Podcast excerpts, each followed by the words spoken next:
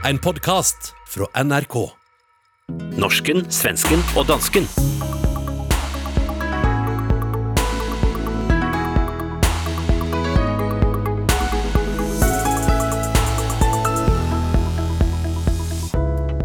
Danmarks rolle som arktisk stormakt står på spil efter ukens valg på Grønland. SVT-dokumentar anklages for at være et tilbakeslag for MeToo-bevægelsen, og vaccinepass er på vej, håper vi.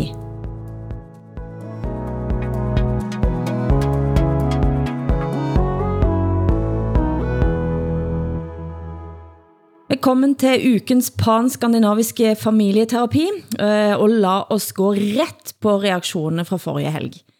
Det nytter ikke at forholde sig rationelt til slike naturfornægtere som Hassan Preisler og Åsa Linderborg, twitterer dommer i Oslo Tingret Kim Heger efter sidst ukesending. Jeg svarte selvfølgelig, at jeg er helt enig. Det er håbløst. Tar deres selvkritik? Nej, men alltså, jag förstår inte riktigt vad jag ska säga. Om jag inte tycker om att vara utomhus så det är väl upp till mig då, eller? Er, natur, er du naturfornægter? Hvad menas med det? Fornægte glæden i det store stillheten, som man kan opleve utendørs eh, på en fjellheim, for eksempel. Jag har aldrig varit på ett fjäll och jag längtar inte till ett fjäll heller. Men eh, jag kan tycka väldigt mycket om att i sommarnatten eller också vinternatten mm. när jag är ute med hunden höra tystnaden och stillheten. Det kan jag verkligen göra. Men det är inte så att jag längtar ut i naturen. Jag vill inte bo i tält, jag vill inte fjällvandra. Jag vill inte planlöst gå runt eh, och titta på sånt som inte intresserar mig överhuvudtaget. Om jag ska gå ut så ska jag ha ett ärende.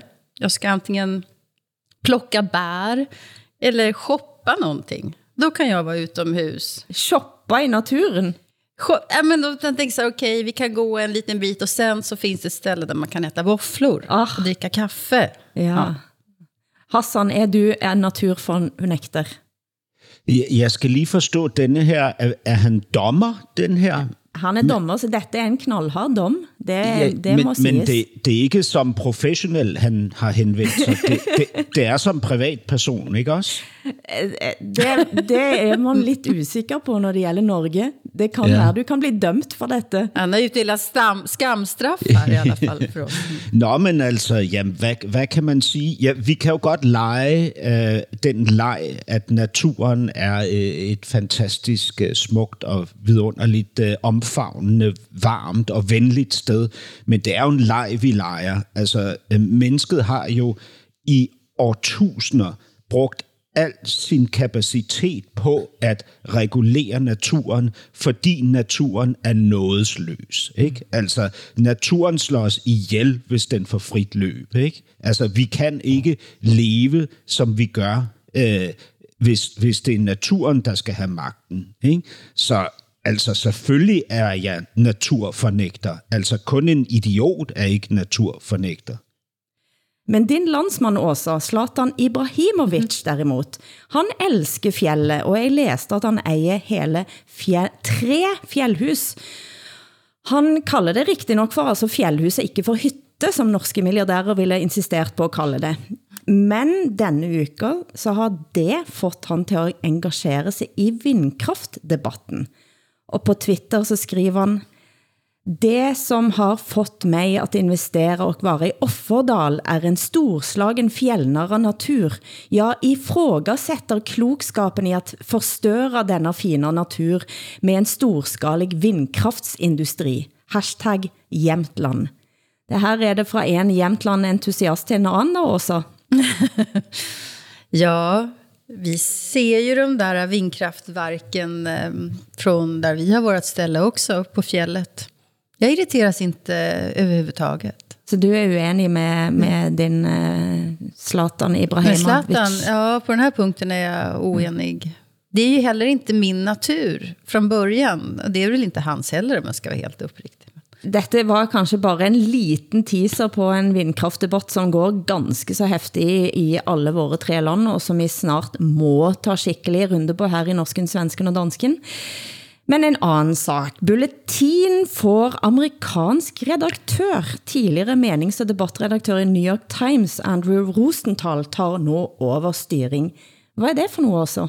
Ja, det var en, en överraskande nyhet att en amerikan som inte pratar svenska ska bli chefredaktör för den här bulletinen. Jag vet inte om han vet vad han ger sig in i, ärligt talat. Han skal sitte på Jersey, og så skal han altså eh, være redaktør nogle måneder for Bulletin, og Vanity Fair havde en stor sak om dette. Mm. Og han sa, jeg vet præcis hvad de trænger. Så tænkte jeg inde i mig, är du sikker på det? Ja, det undrar jag också. Men han kan ju mycket om Sverige, menar han. Han har ju sett den här äh, filmatiseringen Stig Larssons bok uh, The Girl, the, Girl with a Dragon Tattoo. Dragon Tattoo har han ju sett. Det var det han kunde. Ja, nej, det där kommer säkert gå jättebra. Nej, for min det er, ja, hvad synes du, Hassan? Jeg skal ikke sige, hvad jeg tænker endnu. Jamen, hvad jeg synes. Jeg, jeg, prøv at høre, jeg sidder bare og, og tænker på, at jeg, at jeg lige for et øjeblik siden kom til at kalde en norsk dommer for en idiot. ja, og det, og det, altså det, jeg, jeg, jeg fortryder det. det. ja, og jeg vil, gerne, jeg vil gerne sige undskyld, jeg mener det ikke. Altså, det er jo, øh, hvad hedder det, det er jo, jeg, jeg er jo naturfornægter, fordi jeg har naturangst. Så tilgiv mig min retorik. Det var, øh, det var en forfejlet øh, retorik, en forkert retorik. Jeg beklager. Han kommer nok ikke til at tage dig ind i retssalen på grund af dette, Hassan. Jeg tror, men, du men, kan slippe angsten. Jeg taler udenom det der med øh, bulletin og Vanity Fair. Det er, fordi jeg ikke forstår mig på det. Men, men må jeg ikke lige spørge om noget med Zlatan? Øh, fordi Zlatan har jo, Ibrahimovic har jo gjort en dyd ud af gennem alle årene at sige, at han som sportsmand aldrig vil blande sig i politiske spørgsmål. Så det er først, når han står med tre fjeld øh, huse. Hvad hedder det? Fjeldhus? Fjeldstuga, tror jeg, han kalder det for. Fjeldstuer, mm. som, som er, er, hvor han personligt er truet af, at der vil blive bygget vindmøller og vindkraftværker i nærheden. At han nu går ind i det rent politisk. Er det rigtigt forstået? Ja, jag är inte säker på att Zlatan tänker på det här som en eh, politisk fråga. Jag tror att han bara tänker på sig själv. Ja. Jag tror att han förstår sprängkraften i det. Men altså, apropos, apropos knallharde straffer eh, i Danmark, som vi har snakket, snakket om nogle eh, ganger. Nå kan politiet beslaglægge og sælge bilen så, til folk, som kører for fort. Har I forstået det ret, Hassan? Ja, altså ja. Vi har et, øh, et fænomen, som vi kalder vanvidsbilisme, og, øh, og de personer, der udfører de her, dem kalder vi for vanvidsbilister. Og det er altså øh, ja, primært unge mænd, som kører alt for hurtigt øh, og, og alt for vanvittigt. Øh, og den, de, de sidste nye midler, som politiet og domstolene har fået, øh, er en lov, som øh, giver mulighed for, at man på stedet kan beslaglægge køretøjet øh, fra en vanvidsbilist. Ikke? Øhm, og det er sjovt, altså, jeg, jeg ved ikke, hvad der sker med mig rent med, mentalt, men jeg, jeg har det sådan for tiden, at jeg synes, øh, sådan en lov er fuldstændig fantastisk. Altså, jeg synes, man øh, i virkeligheden burde beslaglægge langt flere ting. Altså, jeg har øh, uden for mit vindue her, på, hvor jeg bor i København på Nørrebro, der ser jeg folk, som nærmest ikke kan finde ud af at cykle. og jeg, jeg tænker, at vi skulle uh, burde få en lov, der kan give os uh, mulighed for at gribe ind over for det her. Vi kan høre politiassistent ved Rikspolitiets Nationale Færdselscenter, Christian Bertelsen, forklare til TV2, hvordan den nye loven håndhæves det har en, en rimelig voldsom effekt, når det er, man får taget sit køretøj. Øh, I min tid på gaden har jeg set, at der er blevet taget køretøjer, og, og den effekt, det har, den er virkelig, virkelig stor. Og det gør jo også, at vi fjerner dem fra gaden lige nu og her. Vi skal også huske på, at mange af de biler, det er ikke alle sammen, men rigtig mange af de biler her, der bliver kørt vanvidskørsel i, det er også nogle rigtig dyre biler. Så det er ikke noget, man bare lige går ud og anskaffer sig igen. Og hvad er det så, der sker med de biler, som vi konfiskerer? Først og fremmest så bliver bilen beslaglagt. Den bliver beslaglagt med henblik på konfiskation. Så er det så en dommer, der afgør, hvorvidt bilen skal, den skal konfiskeres. Øh, og så, øh, når, når man så har fået at vide, at det skal den, jamen, så bliver den så solgt på auktion, og pengene tilgår statskassen. Jag, jag måste fråga, hur, hur, hur mycket för fort ska man köra för att polisen får beslagta och sälja ens bil? Ja, men jeg, jeg, Jeg forstod ikke det. Ja, altså, man, man skal køre hurtigt, ikke? Altså, det er jo ikke kun ved en lille overtrædelse af hastigheden. Det er jo ved en markant overtrædelse af hastigheden. Øh, Ja, men hur? Alltså är det man kör 30 kilometer för fort eller 50 kilometer fort? Eller? ja, det ved jeg faktisk ikke. 80? Jeg, nej, nej, ikke så meget. Altså, det, det, Nej. jeg, jeg kan ikke huske, hvad procentsatsen er, men altså...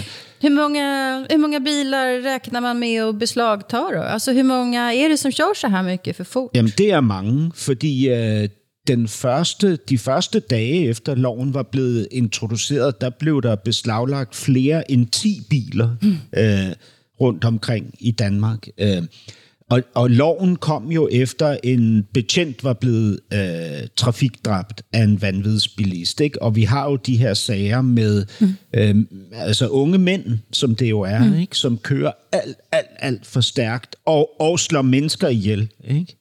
Mm. Är det samma regel ifall man kör rattfull? Alltså att man kör med alkohol i kroppen? Eh, beslagtar man polis, tar polisen bilen då också och säljer den? Eller, eller har ni... En, för det skulle jag säga är väl lika farligt. Då är man ju lika stor fara för andra människor. Då tänker jag, då får ni nog beslagta nästan alla bilar i Danmark, tänker jag, eftersom det Ja. är super så jäkla mycket. Nej, men det er, ikke nogen, det er slet ikke noget dumt spørgsmål, og det er sådan i Danmark, at hvis du bliver stoppet med alkohol i blodet, jeg kan ikke huske, om det er anden eller tredje gang, så har politiet mulighed for at beslaglægge dit køretøj. Ikke? Så det er jo også sådan, at du bliver ramt af det med alkohol. Men det er vel, ja, altså det er vel heller ikke tilfældigt, at du som svensk øh, fokuserer på alkohol i den her øh, sammenhæng mere end på hastighed, tænker jeg. Men eh, Åsa, det er her ikke bare gjengkriminelle og coronademonstranter, som har det tøft i Danmark. Det gælder også Audi og Mercedes-ejere. Vad är det jag missat här?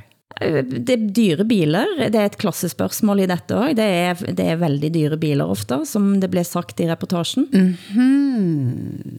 Ska man tänka klass här också? Tänk att jag missade det där. Tænk det. Åh, oh, vad svettigt det blev nu. Ja, ja uh, Hilde, jeg havde ikke tænkt mig at sige det her til Åsa, fordi jeg, jeg, jeg vidste, at det ville vække hendes indre marxist. Uh, Ja, den, den sov djupt idag faktiskt. Ja. Tirsdag var det valg på verdens største øy, Grønland. Et valg som har fået massiv mediedækning i Danmark. Denne gangen er det mye som står på spil for kongeriket, Hassan. ja, og når du siger kongeriget, så mener du Danmark, og ikke rigsfællesskabet, som er Danmark, Grønland og Færøerne. Mm. Øhm, altså, øh, denne gang så har der været et, øh, eller det ser ud til, at der vil komme et regeringsskifte, fordi øh, det, det, det traditionelt herskende socialdemokratiske parti øh, i Grønland har mistet øh, magten.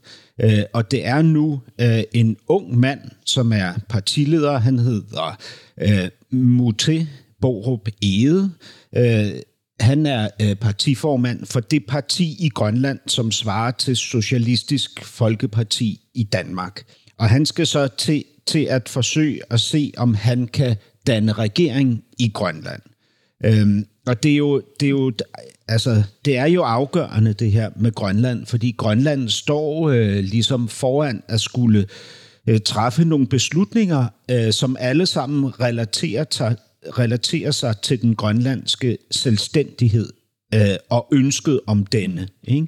Øh, og der er, øh, jamen, der er jo utrolig mange dilemmaer i det her, fordi Grønland kan ikke økonomisk klare sig uden det bloktilskud fra Danmark, som Grønland modtager hvert år på 3,9 milliarder øh, danske kroner. Øhm, så de skal jo finde anderledes øh, finansieringer øh, af staten Grønland, hvis de ønsker større selvstændighed. Og en mulighed var at grave i undergrunden, fordi det har vist sig, at Grønland er meget rig på nogle særlige kostbare mineraler, som man for eksempel bruger øh, til at få sin iPhone til at, øh, at virke som telefon. Øh, men øh, problemet med de her mineraler er, at de ligger øh, blandet ind i og neden under et lag uran, som vil sprede sig i den grønlandske natur, hvis man begynder at grave øh, mineralerne op. Og det skaber selvfølgelig bekymring. Og meget af valget i Grønland har handlet om netop de her dilemmaer. Altså, ønsker man selvstændighed fra Danmark, og er man villig til at betale den pris, øh, for denne her mulighed, der ligger for selvstændighed, altså en forurenet grønlandsk natur. Det bor vel 56.000 personer på Grønland med cirka 40.000 stemmeberettigede, og DR lager portrætt af fire grønlændere under 30 år. Hør Ulle Lengangak Olsen om hvorfor et selvstændigt Grønland er vigtigt for henne. Min største drøm fra Grønland er selvstændighed. Det fylder rigtig meget, fordi jeg generelt kan se, at man som grønlænder må gå lidt fra sine egne værdier for at skulle leve efter de danske normer, hvad enten det gælder arbejde eller måden, man lever på. Vores system her i Grønland er nærmest en kopi af det danske system, som gang på gang har vist, at det ikke fungerer her. Man mister og taber en masse mennesker her i Grønland. Selvstændighed er jo en betegnelse for, hvordan man klarer sig selv, og man lever efter sine egne normer og værdier som et land, som jeg mener, vi ikke rigtig gør, fordi vi stadigvæk er undertrykt af Danmark, og der stadigvæk er den her ulighed. Det kan godt være, at vores levestandard falder fra det europæiske måde at se det på, men det betyder nødvendigvis ikke, at vi så vil få et værre liv, eller vi vil have det dårligere. Ja, det er meget interessant, ikke? fordi hun, den her unge kvinde peger jo på en, hvad kan man sige, sådan en mere historisk national, grønlandsk national romantisk fortælling, som handler om øh, at afvikle, hvad kan man sige, velfærdsstaten øh, for at leve i, i en mere traditionel øh, øh harmoni med naturen. Øh, og det, det er jo selvfølgelig også, altså det er vel den eneste vej, man kan gå, hvis man ønsker egentlig selvstændighed, fordi uanset hvad Grønland ellers gør, så vil de jo bare skrive sig ind i en ny afhængighed. Så er det afhængighed af, min, af de giftige mineraler. Det kan også være en afhængighed af nogle af de stormagter, som har meget fokus på Grønland lige nu. De er jo alle sammen interesseret i Grønland. USA, Rusland, Kina, alle er interesseret i det her øh, i det her nordatlantiske øh, enormt stora landområde. Ikke? Nej, jag funderar, øh, jag tycker det är intressant med den här um, nationalismen och alltså viljan till självständigheten kan jag förstå. Eh, men att det finns också en naturromantisk eh, nationalism i det här. Jag, kan, jag skulle aldrig kunna döma det. Eh, alltså jag skulle aldrig kunna säga att det är rätt eller fel eller dumt eller dåligt överhuvudtaget. Inte alls. Men jag funderar på den här danska nationalismen nu. Jag tänker, Eh, Danmark har en gång förlorat två tredjedelar av sitt territorium till Tyskland. Eh, och att vara kolonialmakt är ju liksom inte det hetaste eller coolaste man kan vara idag. Men det måste ju ändå finnas någonting i den danska folksjälen här, om man nu kan använda ett sånt ord, som liksom känner sig lite hotad här av att, att, att gröna verkligen eh, har den här diskussionen på allvar nu, på ett sätt som de inte haft på länge väl, om jag har förstått saken rätt att det här intensifieras eftersom här nationalistiska strömningar går igenom hela världen, globalt, överallt. Och då, då blir det ju Danmark kontra Grönland blir otroligt intressant. Två olika nationalismer eller identiteter som liksom kraschar här. Helt sikkert. Eh, man kan også sige, altså ikke kun på identitetsområdet, også på det område, vi vil kalde eh, magt, har det betydning, om Grønland er en del af det danske rigsfællesskab eller ikke, fordi rigtig mange af stormagterne vil simpelthen miste deres interesse for overhovedet at have Danmark med ved bordet, hvis Danmark ikke er i rigsfællesskab med Grønland. Så det er helt sikkert, at der ligger noget der. Jeg, jeg kan ikke sige, altså nu nævnte du, at vi har tabt en del af Danmark til Tyskland, øh, Åsa, vi har jo tabt langt større dele af Danmark til... Norge for eksempel. Vi har for eksempel tabt hele Norge. Ja, just det. Tänk att jag, att jag glömde det. Vilken. Skåne, Halland, Blekinge. Ja, ja, det kan, det kan vi prata länge om. Men det er, jo, det er jo et eller andet med, at alle verdens øjne er rettet mot Arktis i øjeblikket. Eh, Rusland eh, teste våben i nordområdene. Eh, det australske mineselskab, som ønsker at gå ned i bakken og, og eh, utarme uran i bakken ifra, i, på Grønland, har altså som sin største aktionær det kinesiske selskabet Shanghai Resources Holding. Det var den største enkeltaktionæren i Greenland Minerals, mm. som vil, eh, vil altså op eh, til Grønland. Och NATO, har baser där också, ska vi NATO säga. har base, og, og, og det at tænke sig, eh, det at tænke sig, at det er et samfund med 56 000 personer, det er som om Stavanger eller Sandnes eh, skulle sige, at vi tar alle oljeressourcerne ute i Nordsjøen og lager et eget land. Mm. Eh, og, og med en, en forfatning, eh, med et byråkrati, med alt det som er at styre et land, eh, med en selvstændighed. Og det at tænke sig, hvordan man der kan stå op mot, enten om det er USA eller Rusland eller Kina eller andre stormagter. Ja, det är hisnande faktiskt. Men, men också jag tänker så här, här ser man ju demokratins kraft för en gångs skull. Här har den allmänna rösträtten bestämt att så här ska vi göra. Vi ska inte satsa på, på, på den här magic minerals och uranbrytning och sälja ut eh, Grönland. Vi ska liksom bevara vår natur. Och vad jag fattar så stod det här Vänsterpartiet som vann stod mot eh, den största konkurrenten var, konkurrenten var ett socialdemokratiskt parti som ville att man skulle satsa på att utveckla Grönland ekonomiskt. Så det är två vänsterpartier, eller på samma sida i alla fall, liksom, om, om det strecket. Eh, som gjorde upp om det här med två helt olika uppfattningar hur man ska göra. Det är superspännande. Ja, det er mega spændende. Altså, der er jo, øh, der er jo øh, stemmer i Grønland, altså både politiske og finansielle stemmer, som, altså, som, som siger, at det her er det er helt tosset ikke at gribe den her mulighed, fordi Grønland allerede lige nu oplever et selvværdsboom, mm. fordi, de, op, fordi de, de får den her interesse fra, fra stormagterne, ikke? og at man burde udnytte det her og spille det store globale spil for en forbedret position. Ikke? Og prøv at forestille jer, at Grønland gik ind på det her ikke? som ny hyperkapitalistisk stormagt. Ikke? Altså, øh, hvor ville det være vildt, og hvor ville de hurtigt fjerne sig fra Danmark? Ikke? Hvor ville det her rigsfællesskab miste sin øh, betydning og interesse i en fart. Øh, men, men også, du taler om det med den danske nationalisme. Det er rigtigt, der er jo en kolonifortid og så videre, og, og når der ikke er corona, så sejler kongefamilien til Grønland hvert år, og vi ser billeder af, at de tr- trykker hånd med grønlænderne derop. Men jeg ved ikke, hvor meget øh, identitet, der ligger her i, i, øh, altså i relationen til Grønland. Det kan jeg simpelthen ikke sige. Altså, jeg, jeg, jeg tror, jeg tror lige nu, at det handler langt mere om økonomi end, at, end uh, identitet. Du hører norsken, svensken og dansken. Programmet blir sendt i Danmarks Radio, Sveriges Radio og Norsk Rikskringkasting.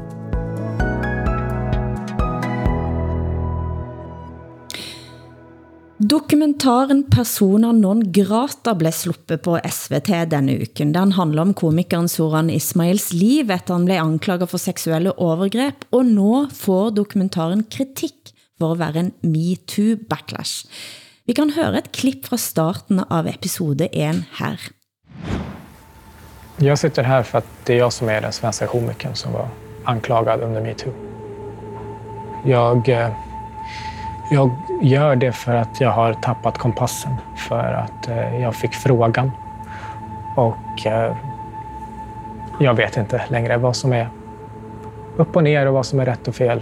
Men å andra sidan så är det ju väldigt intressant diskussion och intressanta frågor eh, och som är högst relevanta.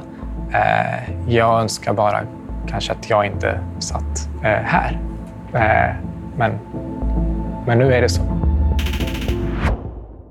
Og hvordan har dette blivit tatt emot i Sverige også? Ja, så det är en jätte, jättestor eh, debatt. Jag ska förklara då för norska och danska lyssnare att Shoran Ismail eh, var en jättestor ståuppkomiker i Sverige. Han vann stora priser, så här, priser för Amnesty och allt möjligt för att, eh, för att han stod för så bra värderingar. Och han berättar i den här dokumentären då att han var oskuld innan han slog igenom och blev känd. Och sen fick han ligga med hur många kvinnor som helst och eh, han erkänner då att han har säkert utnyttjat kvinnor också. Eh, och han blev då an- metoo-anklagad under, under den här revolutionen som vi hade. Eh, han blev... Alltså det ledde aldrig till några åtal, utan eh, rättsväsendet la ner. Så i, i lagens mening så är han så, så friad man kan vara. Eh, men i allmänhetens ögon så är han ju dömd. Mm. Och det var det här som eh, Sveriges Television ville göra ett program om. Alltså hur är det att vara juridiskt friad men dömd i, i folkets ögon? Finns det en historia här att berätta? Och det är klart att det gör.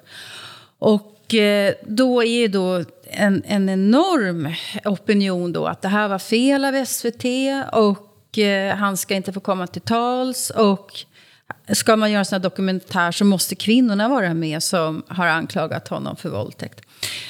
De här kvinnorna har ju avböjt att vara med. Eh, och här menar jag då, man, det finns en väldigt konstig syn på vad journalistik är. Därför att som journalist har man ju rätt att ta fram bara ett perspektiv faktiskt. Journalistik är inte forskning.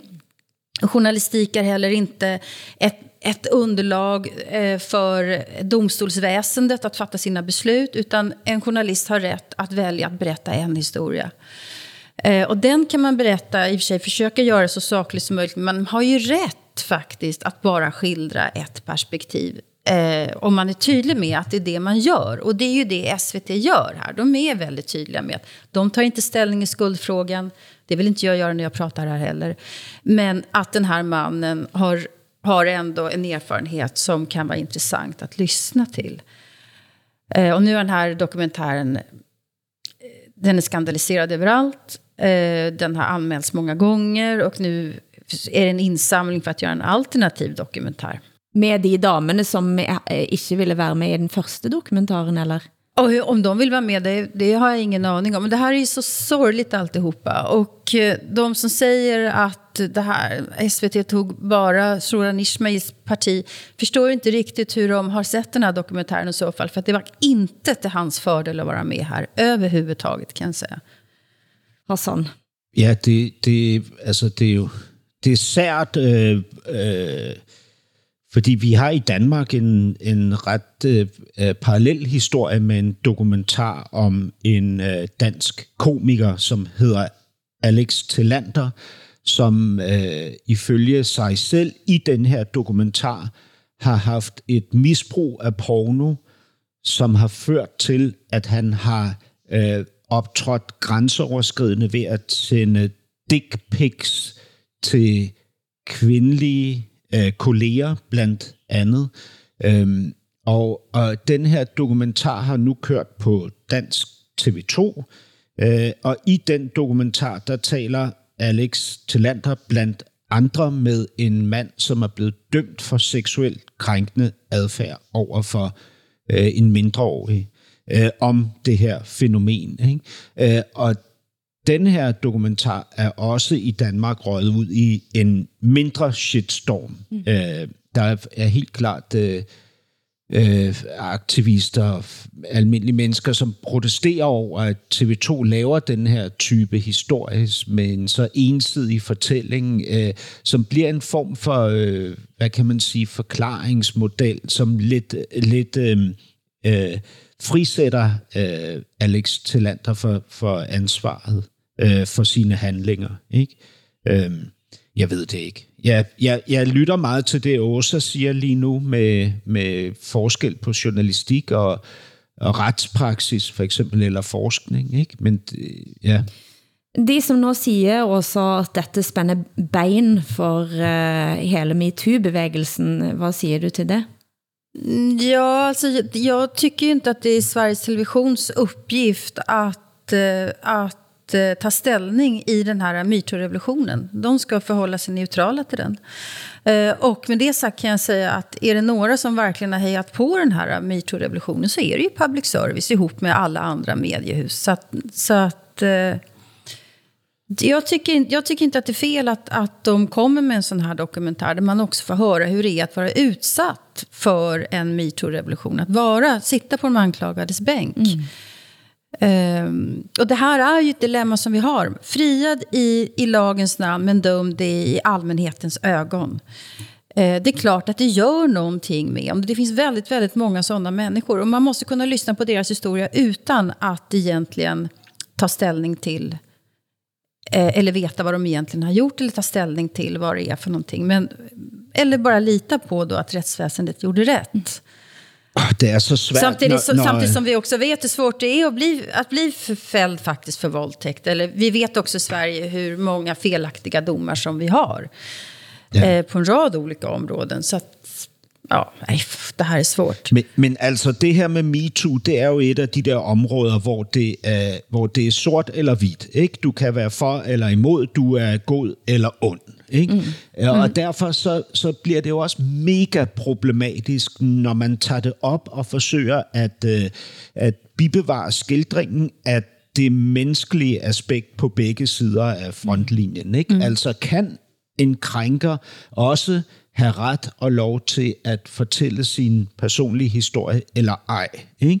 Og der er jo bare øh, i denne her tid virkelig, virkelig, virkelig mange mennesker, som ikke synes, at det er rimeligt, at de får taletid, når de har begået de øh, forbrydelser, som de har begået. Ikke? Men, men frågan är så här, tycker vi att dömda människor, de som faktiskt sitter fängslade för brott som de har blivit dömda för, ska de få berätta hur det har varit? Jeg, jeg mener at alle skal kunne berätta sin historie, selvfølgelig. Eller hur? Var ska ja, man dra gränsen? Det... Vem har inte rätt att berätta om sitt liv eller vad man har varit med om?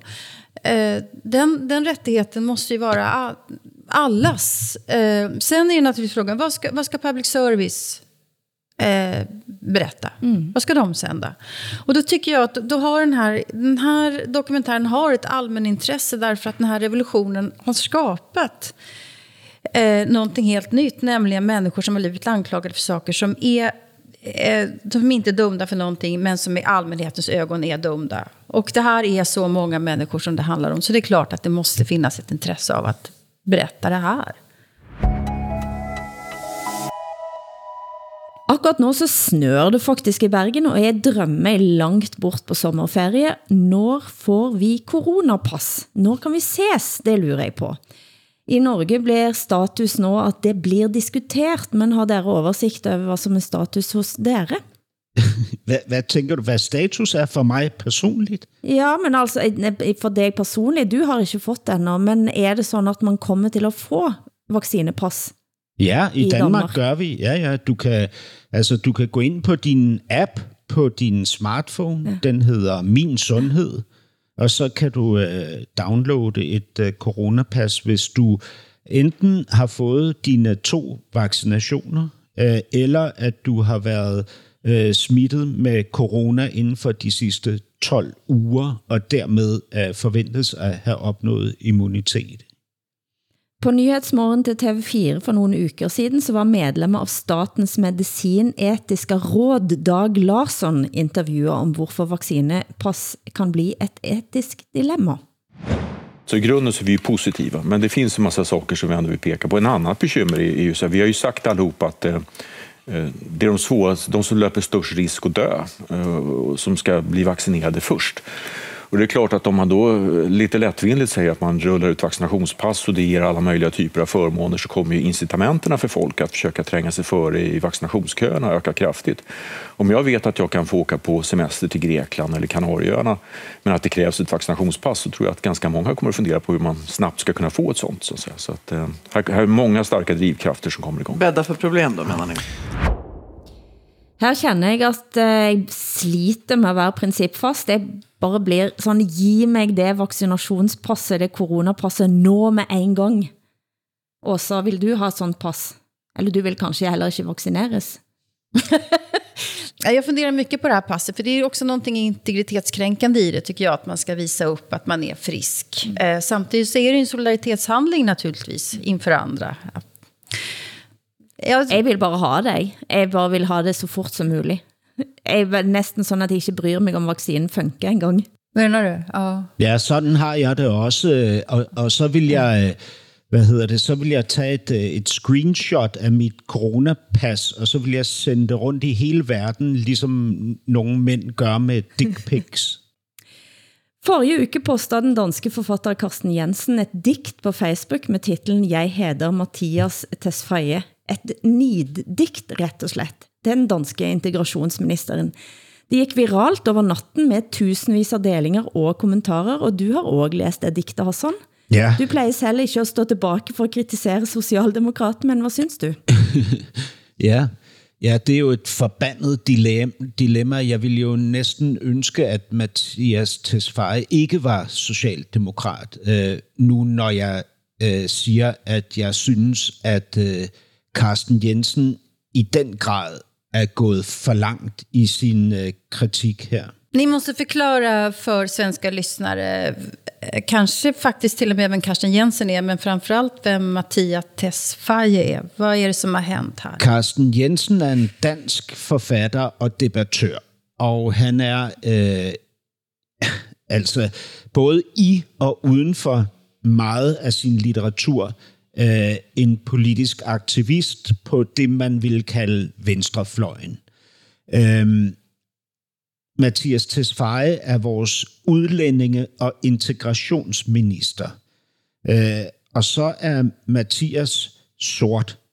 Hans øh, far er fra, eller var fra Etiopien, og hans mor er dansk. Øh, det, det, altså, grunden til, at jeg nævner Mathias hudfarve i den her sammenhæng, er, at der ligesom ligger nogle af de her ekstremt øh, besynderlige forventninger til et øh, brunt menneske i Danmark om, at man øh, skal placere sig selv øh, politisk, holdningsmæssigt øh, et bestemt sted. Og hvis man har nogle andre holdninger og placerer sig anderledes politisk, så er man en forræder. Ikke? Så er man... Alltså vad Karsten, Jens, vad Karsten Jensen har gjort, vad jag har förstått, är att han har skrivit en dikt på Facebook där han anklagar den danska socialdemokratiska integrationsministern för att ha sålt sin själ. Är det inte det han säger? Jo. Därför att Danmark har så hård integrationspolitik, eller hur? Ja, han siger, Ja, det är det som hänt. jeg hedder Mathias mm. Tesfaye, og mit navn mm. er altid til leje. Altså, øh, Mathias mm. kan købes, ikke? Øh, han, han mener ikke det, han udtrykker. Han er til salg. Ikke? Det er det, Carsten Jensen anklager ham for. Og så har han postet det her på Facebook, og, og kommentarfelterne er brutale, fordi de, så mange af kommentarerne, som i øvrigt er fuldstændig uredigeret, går på, at Mathias er en forræder. Altså, han er en onkel Tom, ikke? Han har, han har svigtet sit ophav. Han er... Mm. okay. Altså, han, Digte, ja, digte Ja. fik den norsk-somaliske Kadra Yusuf til at reagere kraftigt, og hun skriver også på Facebook i kommentarfeltet til Carsten Jensen, rir ekkokammeret hans videre. En lurer på, hvad Tesfayes etiopiske far synes om øh, sønnen onkel Tom Tesfaye junior. En anden skriver, at en som har Tesfayes bakgrund burde ha mer empati. Så skriver hun også, men det er vel ok skjeme og bruge bakgrunden din mot dig, så længe det er gjort av den rette grund, av en moralsk, empatisk grund, spørger eh, Kadra om. Ja, og det er jo lige præcis det her, der for mig er det centrale. Ikke? Og når jeg siger for mig, så er det også fordi, jeg selv har prøvet det her. Altså, jeg har jo selv prøvet at bevæge mig fra denne her Øh, øh, venstrefløj, som jeg i denne her sammenhæng vil beskrive som meget selvgod, ikke? og væk fra den, fordi jeg mener noget andet, fordi jeg har opdaget, at jeg synes nogle andre ting, at mine holdninger på nogle områder lægger sig op af nogle andre mennesker og nogle andre retninger end det her øh, udgangspunkt. Ikke? Og jeg er jo blevet kaldt hvad som helst af de mennesker, jeg, jeg tidligere var allieret med. Ikke? Altså øh, kokosnød, Oreo, på, øh, house, øh, house ikke? Altså al, alle de ting har jeg øh, fået øh, hæftet på mig, fordi jeg forlod dem og deres narrativ, ikke? Og jeg ved jo godt, hvad det narrativ går ud på. Det går ud på, at de er frelserne, jeg er den, den som skal frelses, ikke? Og, og de andre, øh, dem over på den, politiske, på den anden politiske fløj, det er dæmonerne, altså de onde, der skal bekæmpes, ikke? Vi har ju haft eh, samma händelse eller sak i, i Sverige. Nyamko Sabuni som vi pratade om tidigare, mm. Liberalernas partiledare nu. När hon var integrationsminister så kallades hon också för en onkel Tom av den antirasistiska rörelsen. Därför att hon ett pratade om hederskultur och det var då att eh, också sälja ut sin själ. Eh, och att hon också tyckte att unga eh, jäntor, piger, flickor skulle, som kommer till Sverige skulle genomgå en gynekologundersökning för att se om de var könsstympade. Och då fick hon också höra att hon var en onkel Tom och en husblatte och vad det var. Man kunde till och med läsa något sånt i Dagens Nyheter. Det är väldigt hårt. Alltså vi har ju en idé, eller vi, alltså på, på den antirasistiska sidan så finns ju en idé om att en särskild hudfärg också ska leda fram till en särskild politisk hållning eller syn på världen. Mm. Eh, eller förslag till lösningar. Och så är det ju naturligtvis inte, därför att alla människor är ju individer. Och eh, det här är så provocerande för väldigt många. Kadra har selv oplevet, at Karsten Jensen har kaldt henne rasist. Under norsken, svensken og dansken live på Litteraturhuset i Bergen i 2018, så var tema rasisme. På skærmen bak oss var et gammelt opslag med Kadra, der hun siger, jeg går heller bak en Ola end en Ahmed, hvis jeg er på vej hjem sent på kvelden. Det er ekstremt, eh, ekstremt ubehageligt at sige det, for jeg er selv brødre og kompiser, som er det, men det har blitt en del av realiteten i Oslo. Og det fik Karsten Jensen at komme med følgende utfall mod kadra. Men der er jo mange mørkhudede mænd, der ikke er asylansøgere. Det er jo en total generalisering. Jeg synes, det er som at høre en fra Dansk Folkeparti tale om øh, lige præcis mørkhudet. Jeg synes, du falder ind i en jargon, som du burde holde dig fra, og det kan være, at mediet har misbrugt det og brugt det i en overskrift. Det skal jeg ikke kunne sige. Men ellers synes jeg, du taler nøjagtigt som en racistisk højre ekstremist her. Kan du scrolle øh, lidt? Ne? Nej, det vil jeg gerne altså uddybe. Hvis nu overskriften havde været, øh, prøv at undgå mænd med lyst hår og blå øjne på vej hjem, så kunne hver høre, hvor grotesk det er. Den udtalelsen, den bygger på en specifik statistik. Hvordan kan du gøre det om til, at, jeg da, at det er generaliserende? Er det generaliserende for dig? Mænd. Hvis du, sagde, hvis du gav en præcis beskrivelse, der gjorde din brug af, altså der gjorde, at ja, der er en statistik, der fortæller, at asylansøgere opfører sig, mandlige asylansøgere opfører sig på den og den måde. Men den generalisering mørkhudede mænd, Nej, det er der, jeg, at du efter min mening går fuldstændig over streg. Ja, altså jeg, jeg er ved at eksplodere lige nu. Jeg bliver så rasende over, at Carsten Jensen i denne her sammenhæng tror, han kan tillade sig at sige, det bør du holde dig for god til. Altså underforstået, du med din baggrund kan ikke udtrykke de ting, du udtrykker. Ikke? Altså det er, det er så belærende, det er så øh, moraliserende, det er så øh, altså indsnævrende. Ikke? Prøv en gang at forestille jer, hvordan det opleves at blive reduceret til at skulle være repræsentant for nogle andre menneskers narrativ i den her verden. Og hvis du bryder med deres narrativ, så får du det der at mærke. Ikke? Så får du at vide, at du, at du har solgt din sjæl, som Carsten Jensen nu skriver om Mathias Tesfaye, at han er til leje. Altså, hvad er det for noget? Vi må da gå ud fra, at Mathias Tesfaye, altså inden for rammen af, det, af den politiske øh, øh, sjælelige korrup korruption, så må vi da gå ud fra, at han står præcis det sted, hvor han gerne vil stå, for at få magt og indflydelse for andre verden i den retning, som han tror på. Hvorfor skal han lægges noget andet i skoene? Er det, er det fordi, at Carsten Jensen ser hans hudfarve først og fremmest? Eller hvad er det, det her?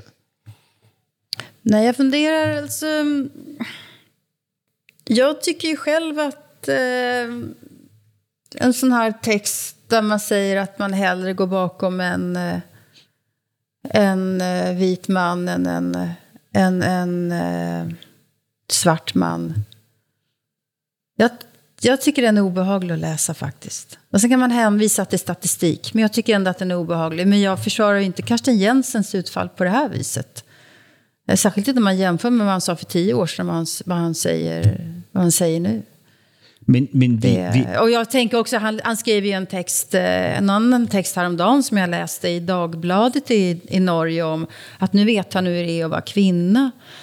Eh, och då, då, då är han plötsligt helt på det klara med att och tycker att det är okej att man betraktar alla män som våldtäktsmän plötsligt. Ja, det var det jag skulle till att säga. Eh, fordi i, Så det, det är liksom ingen riktig ordning i, i, i argumentationen här. Men jag tycker allt sånt här är obehagligt att prata om faktiskt. Jag, jag blir mest stum faktiskt när såna här frågor kommer upp. Ja, fordi det er, det er jo fuldt ud tilladt at sige, at man som kvinde øh, skal gå i gaderne og være bange for mænd. Mm. Det er jo i orden at sige, ikke? Og det gør man mm. jo på baggrund af nogle tal øh, og nogle øh, historier, som er i offentligheden, ikke? Øh, så, så jeg mener, hvis man på den ene side kan sige, at den mentale proces, som fører til de handlinger, er ok, ikke? Hvordan kan man så sige, når nu det oven i købet underbygges af statistikker og oplevelser, at det ikke kan være i orden, at Kadra Yusuf siger, som hun gør? Altså, øh, jeg, jeg, altså, jeg forstår simpelthen ikke de der dobbelte standarder. Jeg, jeg synes, det er, jo, det er uhyggeligt. Jeg, jeg, bliver, altså, jeg bliver fortørnet over det, fordi det også minder mig om nogle ting, som jeg synes, jeg har oplevet øh, i, i mit liv, øh, der hvor jeg forsøgte at blive til som menneske, ikke? og gøre mig fri af andres øh, forventninger til en bestemt rolle, jeg skulle spille. Norsken, svensken og dansken med Hilde Sandvik, Åsa Linderborg og Hassan Preisler.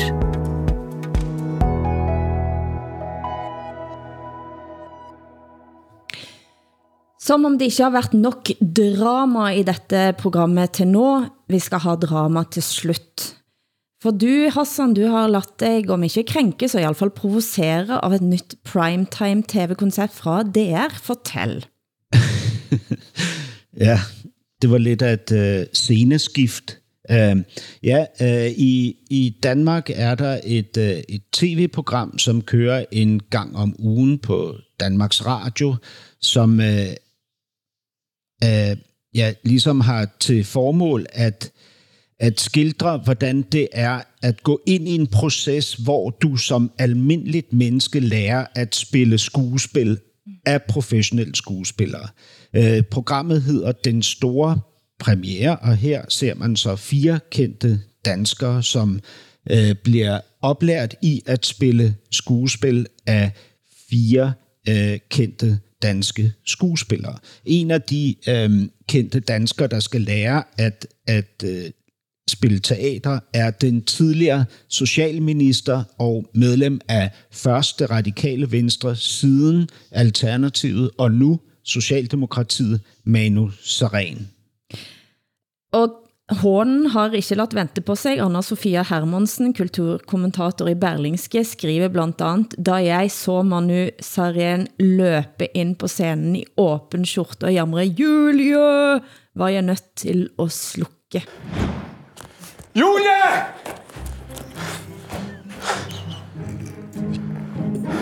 Julie. Min søde, skønne Julie. Jeg er hos dig, Julie. Og I læber åndedrættets porte. Besejl nu det sidste retmæssige kys. En gældsforskrivning, som skal betales af med det samme. Min elskede. Din skål. Og så shotter han da gift på tampen her. Men alltså, jag måste fråga, det är alltså fyra skådespelare som ska lära fyra kända personer i Danmark eh, hur svårt det är med skådespeleri. Mm. Hur, kan, hur kan du bli så arg på det här, Hassan? Prøv at høre, der, der, er jo, der er jo sådan set ikke nogen kritik fra min side af Manu Saren og de tre andre forudsætningsløse danskere. Nej, men alltså, jag är jätteirriterad på, på program där det hela tiden är kända människor som ska, som ska lite göra bort sig eller lära sig något nytt. Eller, eller kända människor, det är bara kända människor hela tiden i alla, alla sammanhang. Men just det här tyckte jag ändå var lite göj, kul, eh, morsom. För att eh, show, heter det på danska? Därför att skådespeleri är ett så specifikt yrke. Och tänk om det här kan intressera folk att faktiskt gå på teater eller att våga anmäla sig till en amatörskådespelerikurs eller sådär, alltså amatörteater. Man får känsla för en text. Alltså att höra Shakespeare på det här viset. Jag tyckte det här var bra, tror jag. Utan att ha sett en sekund så är jag, så är jag positiv till det här projektet. Ja, jamen altså, øh, øh, be my guest, Åsa. Du kan jo se alle afsnittene på Danmarks Radios Nej, det kan jeg hjemmeside. Nå nej, det kan... Jo, du kan det. Det kan jag inte. För ska man, nej, ska man se en... Jeg kunne i alle fall.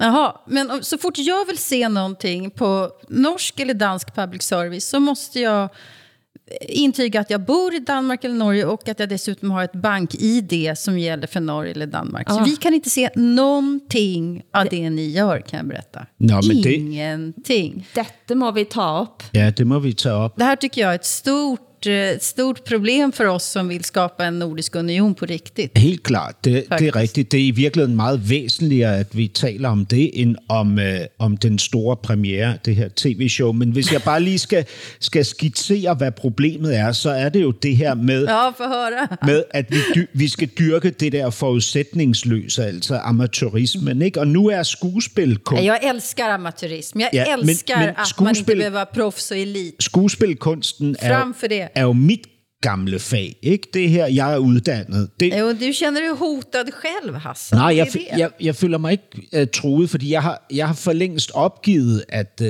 at, at det skulle være min karrierevej. Men jeg tænker lidt på, lad os forestille os, at din avis, uh, Åsa, uh, skal skrive... Min avis? Ja, Ja. at Aftenbladet skal skrives af folk, der ikke har nogen som helst forudsætninger for at skrive noget som helst. Ikke? Altså, som aldrig nogensinde har skrevet en tekst før. Ikke?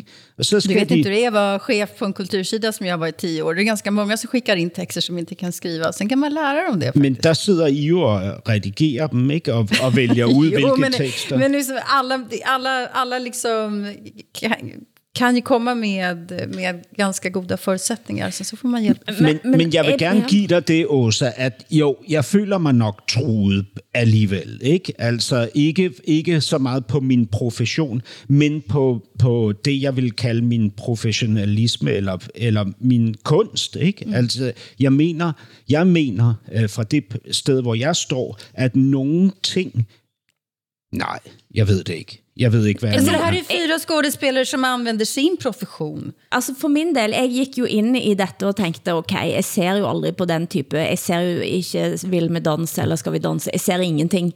Eh, og så tænkte jeg, dette, blir, eh, dette skal jeg gøre. Det er frygtelig pinlig. Jeg blir veldig pinlig berørt. Jeg blir helt Okay, inde i sjælen min berørt. Ja, men då ger jag mig. Men når det er sagt, så er det også at, sådan, at jeg får uhyre stor respekt for skuespilkunsten. Ja, det är det jag menar. Eh, jeg har en søster som er skuespiller, eh, og jeg vet hvilken eh, kamp hun eh, har hver dag.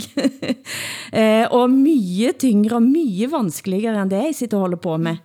Og det får jeg jo et indtryk av, når jeg ser eh, denne premiere-greien, eh, Hassan. Ja. Men jeg blir jo flau. Dette er jo det på, som på norsk heter pute-tv. Jeg blir frygtelig flau.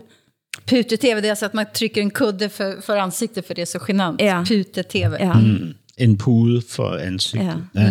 Ja. Øh, okay, jamen prøv at høre. Øh, jamen, jeg, jeg, øh, jeg vil gerne øh, starte forfra og se øh, serien en gang til. Øh, og jeg, jeg kan godt mærke, at jeg, øh, jeg havde en alt for automatisk øh, forarvelse, øh, og, og jeg er glad for, at I udfordrede mig på den. Øh, Jag har inte sett en sekund, Ja. jag vill bara säga det. Jeg vet ingenting om programmet. Og, og nu vil jeg give øh, altså øh, det her program om Manu Saren en chance mere. En chance til. Men en lytter i Helsingborg skrev til oss etter forrige program, eh, Hassan. Som skåning har jeg tittat mycket på dansk tv. Det forvåner mig derfor at Hassan Preisler inte känner till Janssons frestelse, som har en central roll i ett avsnitt av Huset på Christianshavn, en av de mest populära tv-serierna i dansk historia. Vill ni vara snälla att fråga Hassan om han verkligen inte har sett denna tv-serie? Han måste tillhöra en absolut minoritet. Är han någon slags kultur Ursnopp som kanske heller inte har sett på Matador, skapad av samma person som gjorde ovan nämnde tv-serie.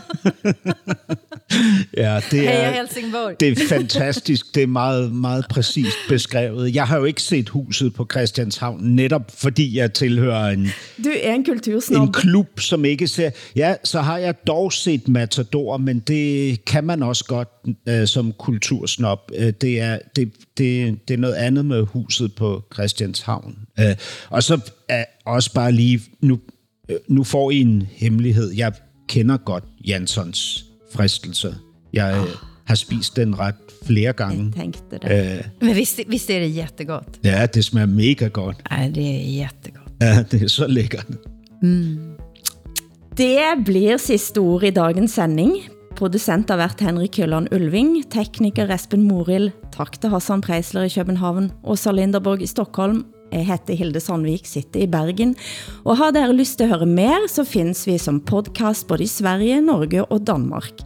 Eller dere kan gøre som vår svenske nye favoritlytter, yrkeschaufføren, som skrev til oss, at han havde hørt på oss 40 timer tur-retur Malmø-Elvsbyen, Heia Sverige, og vi høres igen om en uke.